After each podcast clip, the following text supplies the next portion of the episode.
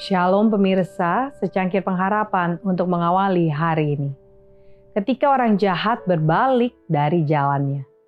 Apakah aku berkenan kepada kematian orang fasik? Demikianlah firman Tuhan Allah. Bukankah kepada pertobatannya supaya ia hidup? Yehezkiel 18 ayat 23. Setan akan menghadirkan jalan kesucian sebagai jalan yang sulit Sementara jalan kesenangan duniawi dipenuhi dengan bunga. Dalam warna palsu dan menyanjung, penggoda akan mengatur dunia dengan kesenangannya di hadapan Anda.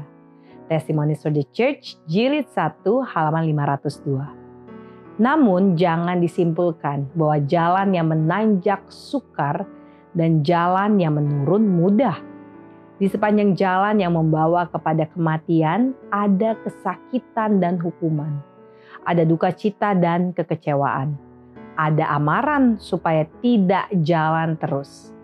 Kasih Allah telah membuat orang-orang yang tidak mau memperhatikan dan keras kepala sukar untuk dibinasakan. Benar bahwa jalan setan dibuat kelihatan menarik tetapi semuanya itu adalah suatu penipuan. Di jalan kejahatan terdapat penyesalan yang pahit dan kekhawatiran yang merusak.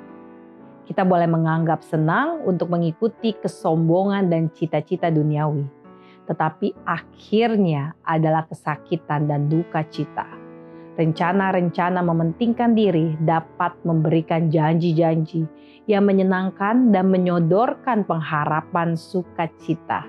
Tetapi kita akan menemukan kebahagiaan kita diracuni dan kehidupan kita dipersukar oleh pengharapan-pengharapan yang berpusat kepada diri. Di jalan yang menurun, pintu gerbang boleh jadi dihiasi dengan bunga-bunga, tetapi duri-duri ada di jalan.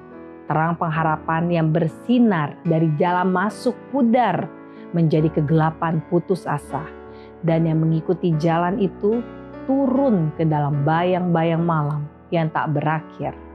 Khotbah di atas bukit halaman 156 dan 157. Demikianlah renungan kita hari ini.